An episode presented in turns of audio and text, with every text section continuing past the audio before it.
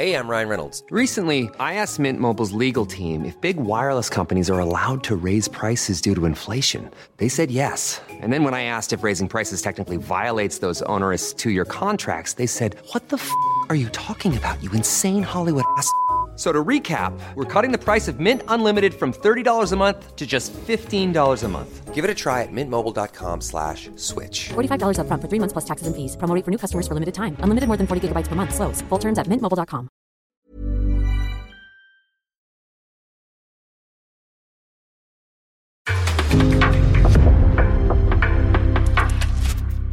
En podcast från Aftonbladet.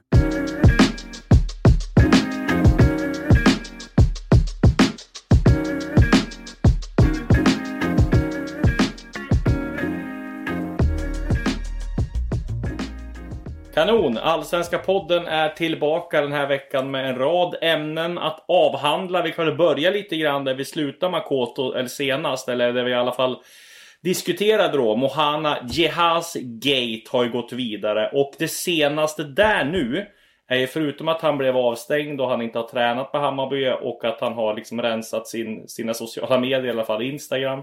Så är det ju att Besiktas har ju värvat in Artur Masuaku från West Ham, en vänsterback på lån. Eh, och det lär väl in... Jag vet inte om det här har blivit officiellt nu, men jag såg i turkiska medier att han skulle eh, landa i Istanbul igår natt för att skriva på och göra medical. Och jag menar, tar de han på lån, en Premier League-spelare, så kan, betalar de inte det Hammarby vill ha runt 20 miljoner för, för Jahas. Det kan jag aldrig tänka mig. Så den dealen är off. Vad, vad säger vi om de här senaste turerna? Ja, alltså Masuaku är ju en renodlad offensiv vänsterback. Så att det Ja. är ju ganska tydligt i sånt fall att de inte kommer gå för, på jazzspåret. Eh, det intressanta blir ju nu hur man hanterar det här, om det finns andra klubbar med i bilden. Det har trots allt ändå varit en spelare som varit väldigt eftertraktad även av andra storklubbar. Så att om det Ja, är precis. så att det har, det har kört sig med Hammarby så är jag helt övertygad om att det finns andra klubbar som är redo att värva Mohamed Diaz. Så pass bra är han. Eh, Det håller jag helt med om. Sen, sen får vi väl se också om det är så att, jag vet inte ens om exakt, alla turer exakt vad det är som har hänt såklart, det vet vi ing, ingen av oss exakt vad det är som, som gjort att han träningsvägrar och så vidare, men, men oavsett så, det blir ju väldigt svårt att hålla sig kvar i Hammarby och få speltid igen om man inte kommer med någon form av offentlig ursäkt efter det här. Så att det finns ju inte så mycket annat val än att hoppas på att en annan storklubb kliver in. Eh, Besiktas lär det inte bli om de inte har tänkt att spela någon helt ny form av formation nästa säsong. Ja, nej, precis. Och jag menar, det var jag sa ju det senast här att det fan, finns ju bara en väg tillbaka. Eller en väg tillbaka finns två lösningar. Alltid att han säljs.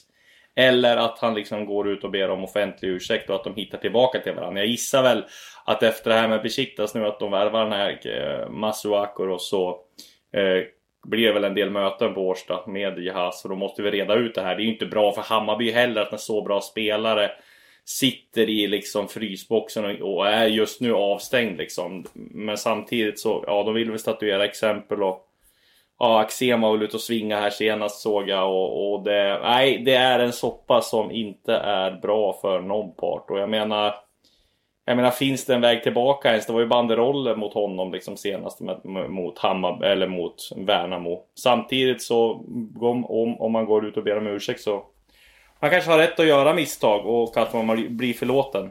Så kan det också vara. Ja, precis. Vi var inne på det förra gången också att det är svårt och det här är ju det här är en otroligt tråkig situation för alla parter kort och gott. Det är ju där det är så att eh, vi får hoppas att det löser sig på ett eller annat sätt för jag håller med om att Mohanad Diaz är en för bra spelare för att hålla på och träningsvägra och vara avstängd av sådana skäl tycker jag. Det är en spelare man vill se på en fotbollsplan istället. Exakt. Och om vi går vidare då till lite, får- det får ju säga att eh, Jehas är väl silly season det också, får väl kategoriseras in i det segmentet så det gör finns det, det ju en onekligen. ja, precis. Så finns det ju en deal som blir klar idag, tror jag i alla fall. Eh, Simon Olsson till Heerenveen. Eh, vi skrev om det i ja, förra veckan här att det var klart. 14 miljoner, kan bli 20 miljoner i bonusar. Eh, han väntas presenteras idag, jag vet inte exakt. Han är där. Han var, kom dit igår eller i förrgår i alla fall och har gjort medical och, och skrivit på. Sen vet inte jag om de presenterar idag eller imorgon, men jag tror att det är idag i alla fall. Men det får vi säga är en, ja men det var ju, kändes lite grann som att Stefan Andreasson är väldigt noga med vilka som ska få gå, när och sådär. Och Simon Olsson stod väl någon form av eh, högst på någon turordning där och lämnade Elfsborg. Eh, skrev ju ett väldigt ett, eh, långt kontrakt där i mars förra året och hade hade kontrakt till ehm, eh, över säsongen 2025 och de får 14 miljoner liksom netto och sen kan de få 20. Eh, jag såg att det var en del som tyckte att det var dåligt. Jag skulle säga att det är en ganska bra deal för en central mittfältare från Allsvenskan. Eh, man ska komma ihåg att de säljs inte för så väldigt mycket pengar. Jag tror det är Kristoffer Olsson som har sålts för mest och då var han med Både, han var bä tidigare bärande i u landslaget han var kanske allsvenskans bästa mittfältare. Han var med i A-landslaget när han såldes till Rostov och för rysspengar för typ eh, 50 miljoner. Jag vet inte, AIK kanske fick 35 netto eller sådär. Så jag menar att Simon Olsson, 24-åring, det är väl eh, en rätt normal summa skulle jag säga till Heerenveen. Jag menar det ser ju bättre ut att sälja för Elfsborg ser det bättre ut att sälja till Heerenveen än till exempelvis Rosenborg som också var intresserad.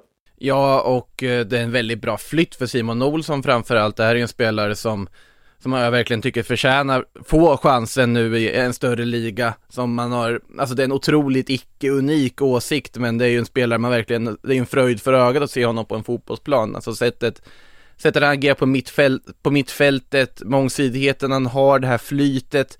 Jag ser ju att det finns jättegoda möjligheter för en spelare som Simon Olsson att att faktiskt eh, hålla sig kvar ute i Europa ett tag också och få en väldigt fin karriär borta i Nederländerna och sen kanske till och med vidare någonstans. Nu är han ju som sagt 24. Där man kan argumentera för angående, angående hemprislappen är att han hade ju ändå ett relativt långt kontrakt.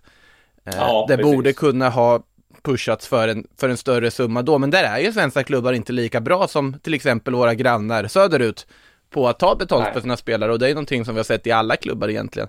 Eh, Ja. Om man bara tittar på flytten, Heerenveen känns som ett jättebra steg för Simon Olsson, klassisk klubb som man sett många svenskar gå till, som många svenskar är i. Eh, men jag ser en väldigt hög potential i honom och en otroligt internationell spelstil också i, i honom, så jag hoppas verkligen att vi får se honom i, lyckas där ute i Europa. Ja, precis. Och eh, sen hade vi lite silly season här. Eh, mer Arnold Traustason som Expressen skrev om. Är muntligt överens med Norrköping. Eh, där har jag hört också att det hänger lite grann på New England Revolution om de släpper honom eller inte. Eh, han vill väl tillbaka men eh, klubben är där det beror på. Det är lite krångliga lösningar med, med MLS-klubbar och sådär med skatteregler hit och dit men eh, ja. Eh, om han är muntligt överens med IFK Norrköping så borde det ju bli en vad heter det, övergång. Och det som talar för att, att det är en övergång också blir att är att han är islänning. Norrköping spelar ju bara med islänningar nu för tiden. Det är ju, det är ju vä- värre, ska man inte säga. Det är bättre än någonsin. Eller vad man ska säga. Alltså- det är fler än någonsin. Ja, det, det är, så, det är så, så otroligt ambivalent att analysera Norrköpings transferförfaranden hittills, för jag tycker att både Både Gudjonsen junior som kommit in och eh, Sigurdsson är jättebra förstärkningar. Eh, Traustason hade såklart varit det också. Sen kan jag känna på något sätt, nu har du ändå värvat Lauren Shabani. Eh, han, har inte, han har bara spelat två matcher, absolut, de har inte imponerat, men vart ska Traustason in i den här leken? Eh, då, då har Och hur ni... bra är han efter ett år i, efter år i MLS? Liksom? Där tror jag i och för sig att han, han håller någon viss nivå fortfarande och han kan Ja, klubben och så Han är vidare. och- 29 va? Och det är lite den här känslan av att nu plockar vi in varenda människa som någonsin varit här för att på något sätt rädda det som, på, det som pågår. Eh, och att han är islänning naturligtvis. Kan de ta fram eh, Ta fram Tordarsson igen och låta dem sätta upp en flagga, ännu en presentationsvideo. Nu måste de göra något nytt nu efter de har gjort samma sak med både Sigurdsson och, och Gudjonsen. Men eh, alltså, absolut, Arno Traustason är ju Han är en del av IFK Norrköpings historien från SM-guldsmålet han gjorde mot Malmö FF. Eh, han var en otroligt bra fotbollsspelare och kommer säkert bidra jättemycket om han kommer, men eh, samtidigt så känner jag att Ja, jag vet inte riktigt hur de ska få, hur de ska få in alltihopa heller, egentligen. Och de har värvat Nej. ganska mycket, så att det, det viktigaste tror jag inte egentligen är värvningar, det viktigaste är att få ordning på det material man har just nu. Ja, och eh, vi får väl säga att vi avslöjade här för tre veckor sedan att det var en isländsk kandidat som skulle ta över, som finns med. Och det är Oskar Thorvaldsson i Breidabrick. Tala inte den här isländska invasionen av spelare för att det blir han då. Alltså, till viss del absolut, men samtidigt så så är det ju så här att både Traustason och Sigurdsson värvas nog också primärt baserat på vad de har gjort för Norrköping tidigare. Sen att de är Ja, islänningar skadar ju inte med tanke på att Nej. det kom väl någon, någon skämttweet jag såg i flödet här om att Norrköping var reda på att eh, försöka byta ut Yxbacken där mot uh, isländska vulkanen också. När de ändå var igång. Eh, Ja. Och göra stan helt isländsk. Men vi får väl se vad som händer. Men uppenbarligen har de valt ett spår i alla fall. Ett isländskt spår. Ja, det, det får man säga. Det, har, det valde de i och för sig ganska tidigt. Men nu känns det som att spåret har blivit ett dubbelspår. Hur går det för Isak Bergman Johannesson i Köpenhamn? Kan man inte låna tillbaka honom också? Men ändå? Nej, han går det jättebra för tror jag. Så han eh, avgjorde väl här senast, eller för någon vecka sedan tror jag i alla fall. Så det är nog, det är nog inte aktuellt. Sen håller ju styrelsen i Norrköping så hårt i pengarna. De är ju näst rikast i Sverige. Så att de, jag tror Isak Bergman Johannesson vill nog inte komma tillbaka med tanke på det han tjänar i FCK. Nej, det är så det ligger. Det var mer, mer skämtsamt konstaterat, men alltså samtidigt, Ja, att det blir ju, det blir ju så här, när man hör det på liksom Prent också, att de är näst rikast i allsvenskan, så blir ju den här säsongen, vi kommer ju in på kamratmötet också här sen, men det blir ju, det är ju fascinerande underprestation som pågår just nu. Ja, ja det är, de är helt utan självförtroende. Det eh, största som hände, i alla fall i, i eh, allsvensk väg då, förra veckan, det var att eh, i, tidigt för några dagar sedan så sparkade Malmö Milos Milojevic, detta efter förlusten mot eh, Zalgiris. Eh, och ja, jag ska väl säga att jag trodde han skulle få mer tid. Eh, hade ett långt resonemang innan här, vad heter det, innan förlusten mot Zalgiris att han, jag trodde han skulle få stanna. Däremot så, jag pratar med några kompisar som är extrema Malmö, eh, Malmö-supportrar och som har hängt med dem i, 20-30 år och de menar på att eh, spelet mot eh, vilket jag kan hålla med om, var ju under all kritik och att man spelar sån, sån underprestation mot ett sånt lag, eh, då fanns det liksom ingen återvändo med tanke på de resultaten. Sen tycker jag också att jag tror att Miros hade lyckats över tid. Jag tror att det här, dels den här skadehaveriet som de hade var ju eh, förödande för dem. Det var det som fick han på fall. Liksom. För, jag menar, ta det vad Andri, Anders Christiansen sa efteråt så var det liksom att han kom ner och tackade av spelarna flera dagar efter att det hade hänt. Det säger en del. Och Christiansen sa ju det att det var liksom inget tappat omklädningsrum här utan det var bara liksom Eh, nej, men att styrelsen eh, menar på att det, han, han var inte rätt och kunde inte vända på det här. Så. Man får väl säga att eh, ja, men efter matchen mot Zalgiris då, så, så kanske det inte var så oväntat. Även om jag trodde faktiskt han skulle få mer tid. Vad säger du om det hela? Eh, Jag vet att jag, jag sa väl det att eh, förra veckan att om de förlorar mot Zalgiris så är det nästan på nivå att han ska bli säkert. Och det sa du, ja, visst ja. Det sa Nu, nu, absolut. blev han, nu Ja. blev han i och för sig sacked in the evening istället vart det väl i slutändan. Det vart ju inte direkt efter på så vis, men det var ju i samband med den matchen. Ja. Eh, och jag står väl fast vid det egentligen. Jag tycker att utifrån vad man har för ambitioner i Malmö FF, vad de står för, vad de vill vara. Att göra två sådana insatser mot Zalgiris, att göra det efter du har spelat som du har gjort mot Vikingur innan. Ja. Eh, Det är inte bra nog. Sen går det aldrig att veta vad hade det kunnat leda till på sikt. Men resultaten här och nu och det man gjorde också i allsvenskan, det, det fanns liksom inget sparkapital som han har inte liksom hunnit bygga upp hur mycket mer goodwill än cupguldet. Och cupguldet absolut, det var efterlängtat för Malmö, men det räcker inte nog för att rädda ett jobb i det här läget. Det vart för dåligt. Men problemet här ligger ju inte i, i liksom huruvida, problemet ligger ju i rekryteringen, att man ännu en gång lyckas bränna en tränarrekrytering. Och det är fascinerande vilken tränaromsättning den klubben har haft. ja. Alltså att man gång på gång på gång på gång på gång bränner den, alltså tränarrekryteringen och inte får in en person som kan vara där på längre sikt. Men vilka är det de egentligen har prickat? Ja, Åge Hareide prickar de ju alldeles utmärkt, uppenbarligen, Ja. men det är ju i princip efter det som det Men har det, gått är, ut för. men det är samtidigt, samtidigt svårt att kritisera dem så jäkla hårt också. För jag menar, okej, du har en jättestor tränaromsättning. Men jag menar, alla har ju, alla har ju i princip vunnit SM-guld. Uh, heter Jo, det- men det- är det- det är ju- sjuka. det är ju liksom minimikravet med den. Jag vet, men du har ju liksom resultaten med det. Och jag menar, alla lag i Allsvenskan skulle ju ta Malmö FFs resultatrad. Även om man hade fått sparka tränare. Så att det, jag håller med. Man, nu tror jag att man hade mått bra av något långsiktigt. Samtidigt så det är liksom svårt att... Ja, de har vunnit SM, de har varit i Europa, kom till Europa League. Det var ju liksom... Ja, nej, så att det är jätte, jättesvårt det där också. Men det är klart att det här vill de ju absolut inte bara efter så här kort tid. Och jag menar Milos blir på något sätt historisk har fått sparken från två allsvenska klubbar på mindre än nio månader. Ja, det, och, det har jag nog aldrig hänt för. Ja, det, det, det är fascinerande. Ska lägga till där också, alltså Jon Dahl Tomasson hade ju, var ju faktiskt ingen dålig rekrytering överhuvudtaget, för han gjorde ju faktiskt ganska bra saker. Uh, och, ja, de, och han ville väl dra själv Ja, och det här bästa för Malmö hade ju såklart varit om han hade stannat. Det tänker jag i alla fall. Ja. Och inte bara med facit mm. i hand, men på att de tog sig till CL. Mm. Sen vad de gjorde i CL en annan sak. Eh, men det är svårt att lägga någon sorts liksom, kravbild baserat på vad de gör mot, mot storklubbar där. Eh, det viktigaste nu är alltså kortsiktiga lösningen med Georgsson känns ganska rimlig tycker jag i det här läget. Men jag tycker det känns upplagt för honom nu hela säsongen. Ja. Georgsson, eh, eh liksom, eh, Daniel Andersson tog, tar ett steg ner nu. Det är två veckor kvar på, på transferfönstret i, i Sverige. Det är klart att Georgsson kan ta det här. Skulle han vinna SM-guld nu, vilket, och, och, och liksom, då skulle han dels få eh, cred för all värvning han har gjort och dels skulle han liksom eh, bli hyllad som en tränare som liksom hoppar in och tar SM-guld. Jag, jag tror ju att eh, Georgsson vill nog köra det här säsongen ut. Det hade jag velat om jag, jag hade varit i hans situation. Men det är viktigt att man inte faller i någon sorts fälla igen som man har gjort. Alltså att typ att nu Ole Gunnar Solskär skulle dyka upp på Malmö stadion här liksom nästa vecka. Det, det känns ju som fel väg att gå. Nu måste du fundera, ha en ordentlig process. De hade ju en process innan Milos Milojevic också och de kommer använda mycket ja. av den det arbetet såklart i rekryteringen till nya tränare, men de, de måste pricka rätt, tycker jag i alla fall, och det men som sagt, jag tycker det är rätt beslut av dem sett till kravbilden och sen absolut, det är jättetråkigt för uh, Milos Milojevic som jag tycker är en väldigt liksom sympatisk person att ha att göra med överlag i liksom tränarsammanhang och har spännande fotbollsidéer men mm. resultaten var för dåliga helt enkelt.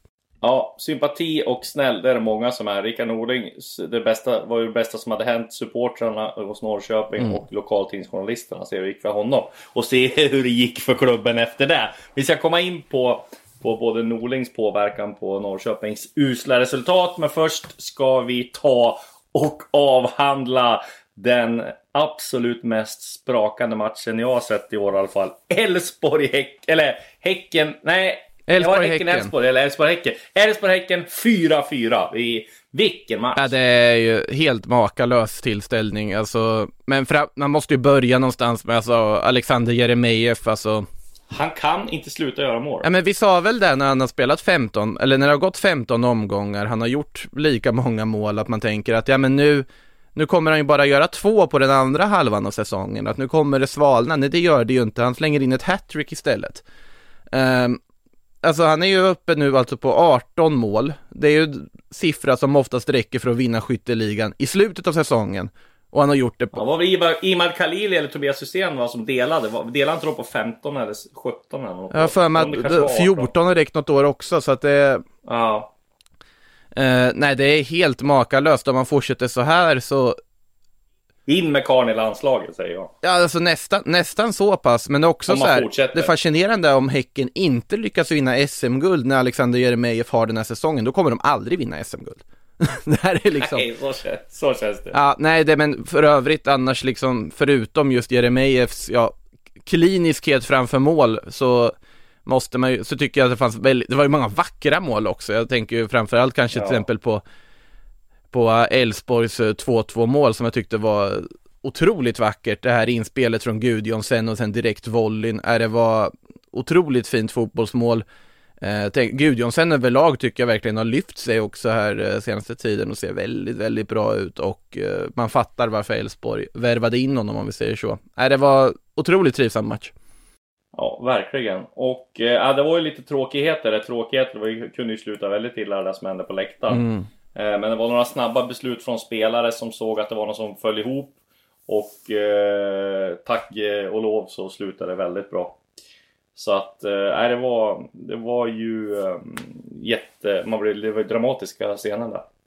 Så att, eh, nej men tur att det slutade bra i alla fall. Och eh, ett lag som det verkligen inte slutade bra för, det var ju Norrköping mot Blåvitt. Och den matchen var ju eh, också väldigt bra och underhållande att se på tyckte jag. Däremot så är det ju eh, tragiskt att se IFK Norrköping att de har så dåligt självförtroende så att det känns nästan inte farligt när de kommer. Det, man vet liksom att nej, men det här kommer inte bli någonting.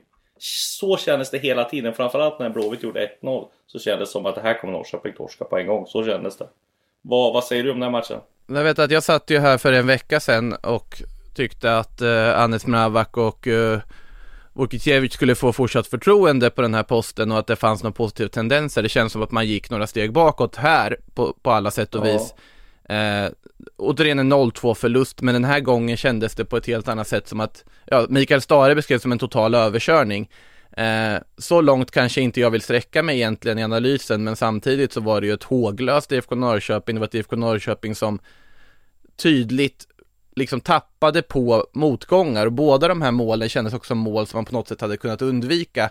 Första målet, en styrning som hittar till, ja jättefin nick av, eh, ska sägas där också liksom, som ger 1-0. Men eh, på samtidigt marginaler mot Norrköping i det här läget. Eh, Carnails eh, 2-0 mål känns inte helt otagbart för Oskar Jansson, om vi ska vara helt ärliga, utan att ta bort någonting från eh, Carnails eh, ja, fantastiska insats måste jag säga och lite av en genombrottsinsats som vi säkert kommer prata om framöver också. Eh, men, men det, är, det är fascinerande hur, hur stilla det står. Nu kastar man in en hyperoffensiv elva i Norrköping också och ändå lyckas du inte göra mål och du har fortfarande det är tre raka matcher sen tränarbytet där man inte har gjort mål. Man har alltså inte gjort ett enda mål sen tränarbytet. Du har inte gjort ett mål på hemmaplan efter sommaruppehållet. Eh, man har gjort totalt två efter sommaruppehållet om man räknar in borta matcher också. Eh, det, det är ju för dåligt för, med tanke på materialet, med tanke på förutsättningarna, med tanke på allting. Så att nu är det ju det är goda råd börjar bli väldigt, väldigt dyra här nu mot Degerfors nästa, nästa Tänk om de skulle torska där, då är det en riktig, riktig kris. Jag menar, nu såg jag liksom att det var några som var ute och, och svingade att det var dumt att sparka Norling och att de inte fått resultat. Men det är han som har kört ner dem här i botten, det är det de måste inse. Eh, sen att han har pluspoäng på supporterna sen tidigare, det, det må så vara. Men det är han som har satt dem i den här situationen. Jag menar att kräva att de nya liksom interimtränarna ska komma in i en stor då, det tycker jag liksom är för mycket. Framförallt när de har varit assisterade tidigare. Det är ju liksom det är det här dåliga självförtroendet som de har satt sig i. Liksom, det har ju, det har ju liksom ett resultat av hur de har varit hela säsongen. Så att jag tycker inte man kan lasta Mravis och dem allt för mycket på det. Nej, de, de ska inte lastas någonting tycker jag i det här och sen Nej. på något sätt nu, nu är ju problematiken att jag vet att de, de säger ju utåt att ja, men alltså harmonin i truppen är bra och så vidare. Men det finns ju en osäkerhet i att det har gått ganska lång tid sedan Norling, Norling entled- entledigades och de har fortfarande inte annonserat en ny huvudtränare. Nej. Och jag vet att jag, jag står fortfarande vid att jag tycker det bästa i det här läget är bara att sätta Tonna som en pappersfigur där och sen låta uh, Anes och Vedran fortsätta resten av säsongen. Men de måste ju ta det beslutet för just nu så känns allting väldigt alltså oklart och ovisst bara och det tror jag påverkar alla i truppen på något sätt också. Och sen faktumet att man intalar sig själva, nej men IFK Norrköping kan inte åka ur, IFK Norrköping kan inte åka ur. Absolut, jag tror inte de Det är kommer... livsfarligt att tänka så. Ja. Så, väl- så tänkte AIK 2004. Så tänkte väl flera andra lag som åkte ur. Malmö, Djurgården inför att de Ja. åkte ut vid millennieskiftet. Vi har haft många Ja. stora klubbar som åkt ut genom åren. IFK Norrköping har själva gjort det. Eh, Må så vara att när de gjorde det så låg det väl lite mer i luften på ganska svaga resultat åren innan också. Om man tittar i början av 2000-talet. Men det viktigaste är att truppen inser att det finns en möjlighet att det här kan ske. Men någonting måste ske och det kanske måste till och med till att man överger vissa spelmässiga principer för att börja rädda poäng. För nu är det ett läge som börjar bli allt mer prekärt och man ska vara glada att det finns ett gäng lag där bakom som inte har, verkar ha någon form av livsgnista överhuvudtaget. För annars så skulle det kunna se mycket värre ut. Nej, vi kommer till det. Göteborg måste vi prata om. Ja, absolut. Och jag menar eh, Bångsbo där, vilken lirare. Vänsterfotad mittback, han blir ju... Som det känns nu, man ska inte hypa för tid, för som det känns nu så är det ju bara, han kan ju säljas redan efter den här säsongen om någon storklubb vill casha in, eller om Blåvitt vill casha in. Men eh, jag sa, Micke Stare sa ju att han ska spela i Göteborg länge till och göra det bra. Vi hoppas få se han eh, så, eh, liksom, eh, så länge som möjligt i Allsvenskan, men han eh, är ruskigt imponerad och eh, kul att se att han spelar med sån helt eh, utan liksom eh, press på sig själv. Han verkar ha med, med den mentala biten, han har liksom tekniken och kommer in och bara kör liksom. En spelare som Ja, Micke Stare eh, älskar honom känns det Alltså om vi bör, börjar med Bångsbo där så, så han har, om, vi, om Simon Olsson som central mittfältare inte är speltypen som genererar transferintäkt så är ju en vänsterfotad mittback med den passningsfoten är ju precis sånt som kan generera transferintäkt. Ja, på att det, ja. det, är, det är en speltyp som inte växer på träd, det är en speltyp som alla, något form av possession-baserade klubbar vill ha. Eh, sen är det väl speeden då och så vidare som kanske måste jobbas på lite och så vidare och han är fortfarande ung och har inte mycket rutin men det är ju helt rätt att plocka in honom till att börja med och börja spela in honom. Samma sak med Carnell som kommer in här och, och bara tar för sig verkligen och gör ett av målen också jättefint. Eh, och en superinsats i övrigt så att eh, två väldigt smarta, vågade men smarta drag från eh, Micke Stare får man säga med facit i hand. Ja, och lite grann där också som Stara var inne på i intervjun efteråt med Discovery att eh, den känslan har man när man har kommit till Göteborg och sett dem, de spela Mm. eh, på, nej, på eh, Ullevi, Gamla Ullevi så är det ju eh, att de får med sig eh, publiken på ett helt annat sätt. Det blir ett helt annat tryck Mm. eh, när den liksom är den här kompakta arenan, när den är på det stora eh, vida när det inte blir samma tryck liksom. Och där har de ju fått ett, eh, har de ett jätteövertag och det märkte man nu när de får med sig hela så ett ruskigt drag till klubben. Eh, eh, det är liksom spelarna Eh, kan rida på den vågen också bland supporterna så att eh, det var liksom mäktigt att se också. Det är lite den känslan man har haft när det har gått bra för Blåvitt där i början också när man var nere och, och skrev några matcher där att får de med sig supporterna så är de nästan ostoppbara där framme. Ja, det, är- det är ju en av de absolut bästa arenorna och allsvensk mått också. Om man ser till liksom storlek och absolut och, och bygga ett tryck för hemmalaget. Det är deras borg. Um så att ja, det är otroligt imponerande insats av eh, IFK Göteborg också ska sägas. Och eh, ja, jag har ju varit inne på det tidigare att jag tycker kritiken mot Göteborg var lite överdriven här från vissa håll. Eh, det sa jag ju senast om för, no för några avsnitt sen och nu är det tre poäng upp till Malmö och Hammarby och sen är det sex poäng upp till serieledning så att Nej, sån kris är det väl inte än. Men det var ju roligt att eh, de fokuserade med, alltså Stare fokuserar på att de är typ 14-15 poäng ner, har 14-15 poäng ner till kval istället. det kändes som lite för ödmjukt. Nej, det, var, det var en av de bättre tränarintervjuerna vi sett under säsongen i Discovery där tyckte Ja. jag med Stare efter. Den var väldigt underhållande och det är ju Micke Stare väldigt ofta också.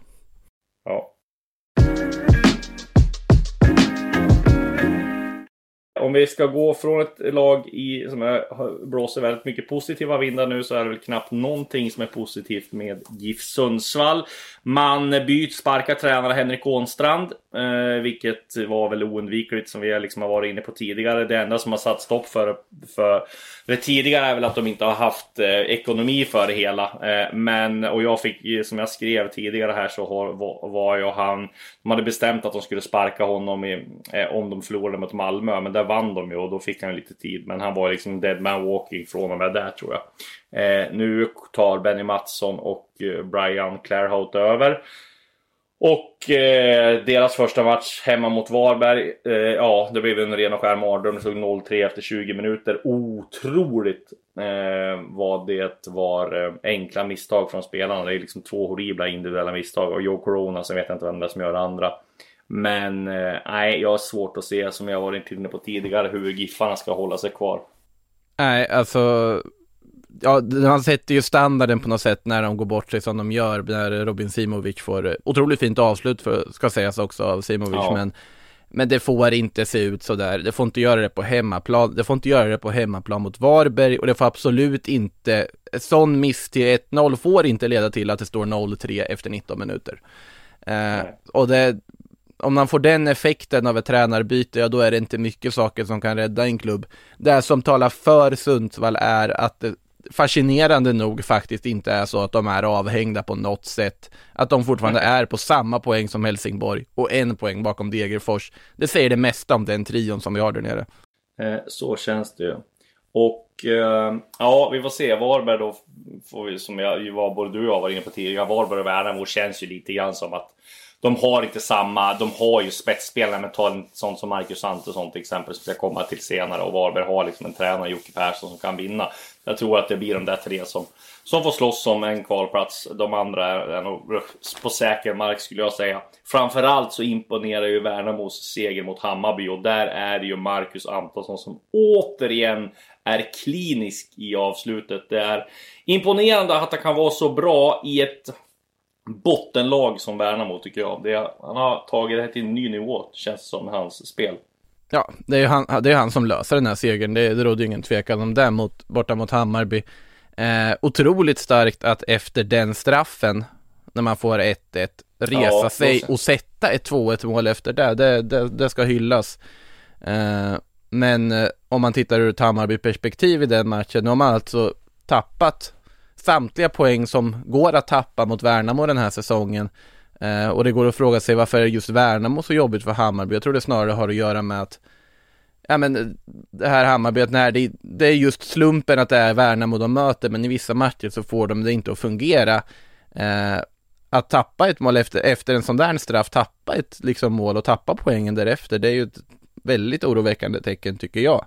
Eh, och det är ju inte ett helt färdigt lag än, det är ju ganska tydligt. Nej, och det känns lite grann som att så här har det varit med Hammarby nästan de senaste säsongerna nu. Att det är något som saknas, men man kan liksom inte sätta fingret på exakt vad det är. Förutom att de inte lyckas vinna de här matcherna man ska bara vinna. Man har värvat in förstärkningar år efter år men inte fått det att funka. Man har sparkat tränare. Man tror att nu ska det vara liksom dags igen. Men, men nej, det är något, något som inte stämmer. Får, får väl se om Matti Cifuentes, nu är de med, har ju häng i allra högsta grad på, på toppen och sådär. Det finns väldigt mycket tid att gå på. Men Värnamo hemma, det kan bli en torsk som kostar guldet i slutändan känns det som när man tittar tillbaka på det. Nu är, vet ju du och jag också att alla matcher är lika viktiga, tre poäng. Men så här, en bitter match skulle ju vara liksom, om, om man nu torskar guld på några poäng så skulle det bli att man tappade 3-0 hemma mot Värnamo. När man har det här liksom positiva flytet, man har värvningarna eh, som ska komma in och leverera i klubben. Det kommer nog smärta oerhört om det blir så. Ja, det är ju intressant att det är just Värnamo de har haft problem med. I övrigt så har ju Hammarby i år, till skillnad från vad Hammarby brukar göra, faktiskt kunnat lösa den här typen av matcher och ta sådana Ja. här rutinmässiga trepoängare. Men det är just Värnamo som det blir något problem med. Skönt för dem då att de inte behöver möta Värnamo mer den här säsongen. Eh, för det är bevisligen där de har allra mest problem. Nu tycker jag det här Hammarby fortfarande är absolut inte en färdig produkt. Men det är absolut fortfarande en produkt som kan vara med och slåss om guldet in i det sista. Men, men de här sex tappade poängen mot Värnamo kan mycket väl kosta ja. Precis, då ska vi hylla något mer lag eh, som vi har varit inne på tidigare, som vi har hyllat då, men som återigen eh, gör det jättebra. Det är ju Mjällby som vinner borta mot Sirius. Och Mjällby är alltså sjua, 26 poäng. En poäng bakom Göteborg, fyra poäng bakom Malmö, fem poäng bakom AIK, sex poäng bakom Häcken och sju poäng upp till serieledarna i Djurgården. Ruskigt imponerad och här får man ju skämmas. Jag trodde jag hade ju dem på nedflyttningsplats. Det kan vi konstatera redan nu att de kommer ju inte åka ut. Nej, de, eh, de gör en kanonsäsong igen och det, det är bara att lyfta på hatten till eh, det arbete som görs där, truppbygget som görs till Brännström som tränare. Det finns många positiva aspekter i där de, där de sysslar med och resultaten talar sitt tydliga språk också så att eh, eh, det finns ju ett gäng så här klubbar i mindre städer så att säga som verkligen gör det väldigt bra. Mjällby är ju en, Varberg är såklart också en annan som eh, överträffar sina alltså resurser år efter år här just nu och vi får börja acceptera att de är ett etablerat allsvenskt lag och sluta försöka tippa ut dem varje år vilket undertecknat kan vara skyldig till. Eh, till exempel. Så att, nej det är otroligt imponerande av Mjällby.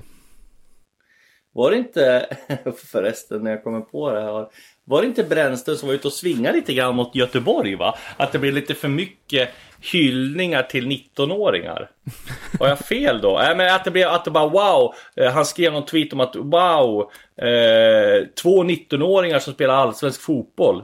I, apropå eh, Carneil och vad heter det? Och eh, vad heter han nu? Eh, Ja, Carneil och Bångsbo. Bång- Bångsbo. Bångsbo, ja precis. Eh, Jag försöker googla fram vad Ja, Andreas Brännström heter väl inte Andreas Brännström på Twitter? Burn, Burn någonting. Ja, precis, just det, just det. Här! Bernieri heter han. Ja, Han skrev, han tweetade så här. Två tonningar som spelar allsvensk fotboll! det var ju en jättepassning till alla hyllningar där från IFK Göteborg. Han menar på att det är ganska normalt att det är två så unga spelare som har chansen i Allsvenskan. Tror jag i alla fall. Ja, med, medelåldern på IFK Göteborg-elvan ligger ju fortfarande ganska högt om vi säger så. Även, Ja. även om de får in två 19-åringar. Men nej, det är väl snarare sättet, sättet 19-åringarna gör det på, men det, det jag tror att det var nog Exakt. skrivet med en otrolig glimt i ögat också med tanke på att det var Det- en glimt i absolut, ögat smiley det var det. Det var, det var det absolut, men det var lite roligt i alla fall. Om vi konstaterar mer att Degerfors eh, slår Kalmar i en extremt viktig match för dem och viktiga poäng som gör att de får lite andrum i bottenstriden. Rydström sågade sig själv. Det var ju, han var ju, bakgrunden till det, jag läste barometern, det var ju att eh, Rydström var ju aktuell för Malmö när, på tiden när det begav sig. Mm. eh, När, de skulle, när de skulle anställa Milos Milojevic. Och Rydström är en av eh, tränarna som Ja. de intervjuade. Eh, och han, men han eh, ja, sa väl nej av sociala skäl. Sen var eh, Sen eh, tvistade väl det lärde om att han fick frågan om att bli huvudtränare och de bara fick frågan att de skulle intervjua. Men eh, då fick han frågan från Barometern om man Liksom ja, men om man är aktuell för Malmö nu och då menar han att det, är patetiskt att snacka om Malmö nu för jag, har visat att jag är en sån dålig tränare när vi för- förlorade mot Degerfors liksom. Det är ett, sätt att, att, jag vet inte, få med sig gruppen eller Det, det, är ett väldigt, det är väldigt Rydströmskt sätt att skjuta Ja. bort frågan om vi säger så. Det, det, han är ju otroligt medveten om hur han framstår i det här, Henrik Rydström, och det gillar man ju ändå på ett sätt, men det är ju också såklart, såklart det finns visst spel för gallerierna, han kan ju inte vara så pass nedstämd och tänka att nej, men nu, är, nu är jag helt körd för ett Malmöjobb för att Kalmar förlorar mot. Degerfors. Så, klart, så långt tänker han såklart inte, men det är ju det är väldigt Henrik Rydströmskt att svara på det här viset som man gör i alla fall och det får man ändå uppskatta. stänger vi den allsvenska omgången där som var lite hackande och går istället på eh, Europa League-kvalet och eh, kvalen i, till Europa Conference League som vi på Sportbladet sänder faktiskt. Djurgården slog ut Rijeka med sammanlagt 4-1 och eh, AIK slog ut Vorsla Poltava. Nu åker Djurgården till eh, Rumänien och möter Sepsi. Precis, och AIK möter Nordmakedonska Tjeckindia. Eh, ja, Skendia. Skendia, precis. Och, Eller alltså med reservation för uh, det nordmakedonska Ja, uttalet. och vilka möter Malmö då? eller? Ja, alltså, vad hette de? Ett eh, gäng från Luxemburg som, eh, som jag faktiskt har tappat namnet på här och nu. För det var inte det vanliga Luxemburgsgänget. Dude Lange. Dude Lange.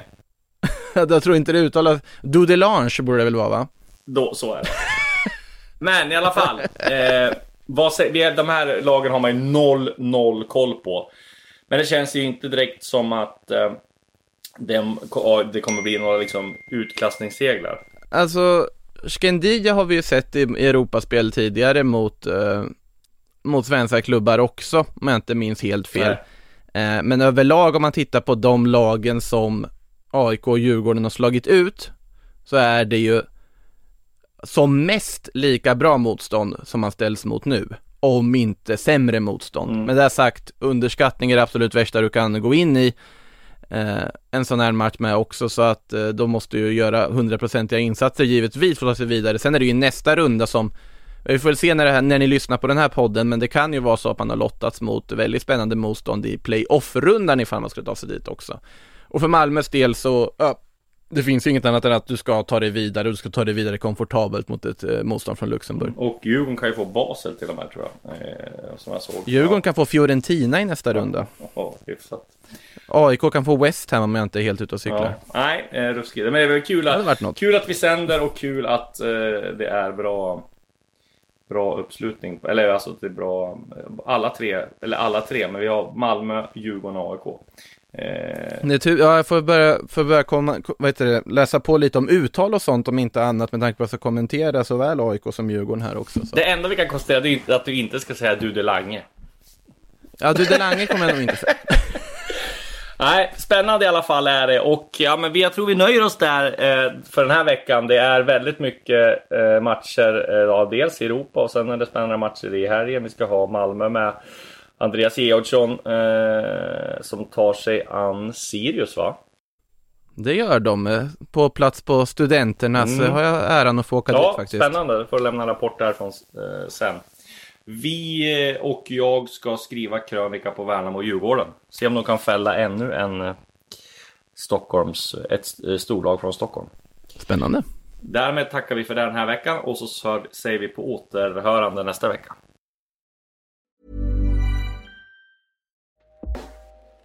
Hey everyone, I've been on the go recently Phoenix, Kansas City, Chicago. If you're like me and have a home but aren't always at home, you have an Airbnb. Hosting your home or a spare room is a very practical side hustle. If you live in a big game town, you can Airbnb your place for fans to stay in. Your home might be worth more than you think. Find out how much at airbnb.com/slash host.